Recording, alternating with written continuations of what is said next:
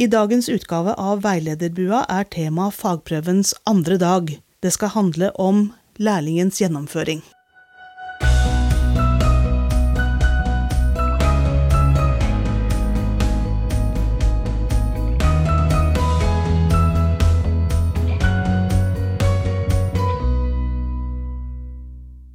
I studio i dag sitter Arja Keshvari, som er med i prøvenemnd, leder av Trosterudklubben og sitter i yrkesutvalget. Og meg, Hanne Enger Jensen.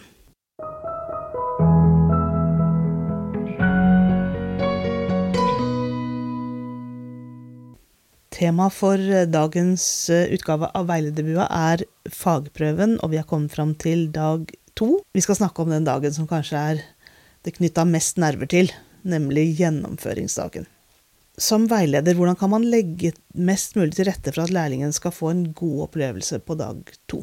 Det tenker jeg er å vise at man ivaretar kandidaten og støtter den så godt som man kan. Sørge for at det som trengs av materialer og utstyr for å få gjennomført aktiviteten, er tilgjengelig og gjort klart. Og bare viser at man er der for kandidaten, sånn at kandidaten selv kan ta kontakt hvis en har behov for noe støtte.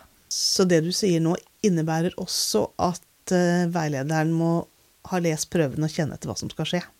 Absolutt. Veilederen bør ha satt seg inn i oppgavene til kandidaten og lest igjennom på forhånd. For på dag to kommer nemnda ut for å se lærlingen i arbeid. Hvor, hvor stor er den nemnda? Hvor mange er dere? Det er én til to personer. Vanligvis så er det to. Ved spesielle behov så kan det være én. Kommer dere samtidig, eller? De pleier å komme samtidig. Hele dagen, eller deler av dagen? Nei, de er sjelden der hele dagen. De kommer vel vanligvis en stund før selve gjennomføringen. Er der under hele gjennomføringen, og blir der kanskje litt etter gjennomføringen. Noen prøvesteder har jo mer enn én lærling som skal opp til fagprøve. Er det sånn at det er parallellprøver på samme sted da, eller får lærlingene prøve på forskjellige dager? Det kan være både og. Så det er helt vanlig at det pågår parallelt også. Hvor lang tid på forhånd vet prøvestedet at det skal være en prøve? Kandidaten får tilsendt en e-post med en skriftlig innkalling fire uker i forkant. Så én måned før, og ingen prøver i skoleferien, eller? Det er fullt mulig å legge prøver i skoleferiene også, men det blir da etter avtale med kandidat og prøvenemnda. Hvor tidlig begynner dere å ha prøver, da? De som har fastsatt læretiden, de skal opp til fagprøven senest, eller tidligst tre måneder før læretidsslutt. Så i mai. I mai. Så kommer nemnda, og kan jeg som veileder da snakke med dem, er det noen som lurer på, eller skal jeg holde meg langt unna? Nei, absolutt. Det er hyggelig å hilse på både veiledere og kandidater og andre kolleger, så det er bare å ta kontakt og hilse. Det er ingenting vei for. Veilederen har jo ofte jobba med lærlingen sin i to år og kjenner vedkommende veldig godt. Mm. Og ser også når de er nervøse. Hvor mye kan de hjelpe til å gripe inn når de ser at nervene nesten tar overhånd? De bør gi den støtten som kandidaten trenger. Uten at jeg kan uh, si hvor mye akkurat her og nå, men de bør jo være der for kandidaten uh, sin og støtte dem så godt de kan. Mm, støtte, men ikke gripe inn, er det liksom grenseoppgangen? Ja, helst. Det er kandidaten vi ønsker å se og ha i fokus. Når lærlingen skal gjennomføre en aktivitet, hvor lang skal den aktiviteten være? Aktiviteten skal planlegges til å vare mellom 45 og 60 minutter. Og hva skjer hvis lærlingen ikke fyller den tida, da? Stryker de da, eller? Nei da, de trenger absolutt ikke å stryke, men de bør være kreative og finne på en annen aktivitet eller få en overgang til, en, til noe annet. Så kommer 1000 kroner-spørsmålet. Hva ser du etter når du sitter og ser på en prøve og lurer på om det er bestått eller bestått meget godt eller ikke bestått? Når det gjelder gjennomføringen, så ser vi jo at kandidaten skal klare å lede aktiviteten selv på egen hånd. Ha et godt samarbeid og ha god kommunikasjon med barnegruppen sin. Og så hender det at lærlinger står, og at veilederen kanskje mener at lærlingen ikke fortjente å stå. Det kan ha vært mye fravær.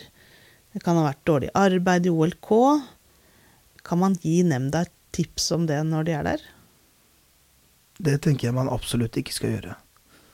Prøvenemnda har ingen eh, mandat og skal ikke vurdere annet enn selve fagprøvens fire deler, som er planlegging, gjennomføring, vurdering og dokumentasjon av det arbeidet. Så det er dere som på en måte avgjør om det er faglighet, og om det er en fagarbeider dere ser, og ikke den tida som har gått forut for det. Absolutt. Det er noen andres oppgave som er å følge opp. Men så hender det at lærlingen får bestått, og så mener bedriften at her er det en så flink lærling at det burde vært bestått meget godt. Kan man klage? Det finnes dessverre ingen klageadgang på karakter som ikke er ikke bestått. Så karakteren bestått eller meget godt, der kan man kun få en muntlig tilbakemelding fra prøvenemnda der og da. Hva kan man klage på, da? Det er vel to formelle klageadganger. Eh, og det ene er å klage på eh, vurderingen. Og det andre er hvis det har vært uregelmessigheter eller eh, mangler fra prøvenemnda sin side. Så hvis vi skal oppsummere, da, eh, Arja, hva er eh, rådene dine her i forhold til gjennomføringsdagen for den som er veileder? Jeg tenker at det er eh, veldig viktig at veileder på forhånd har forberedt kandidaten så godt den kan, og da gjerne i form av å være til stede og observere aktiviteter som kandidaten gjennomfører. Ta gjerne med notatblokk og noe å skrive med. Ta notater gjennom eh, gjennomføringen av aktivitetene. Så det du sier i grunnen er selve arbeidet og forberedelsene til dag nummer to foregår gjennom hele læretida. Ja, det er det jeg tenker.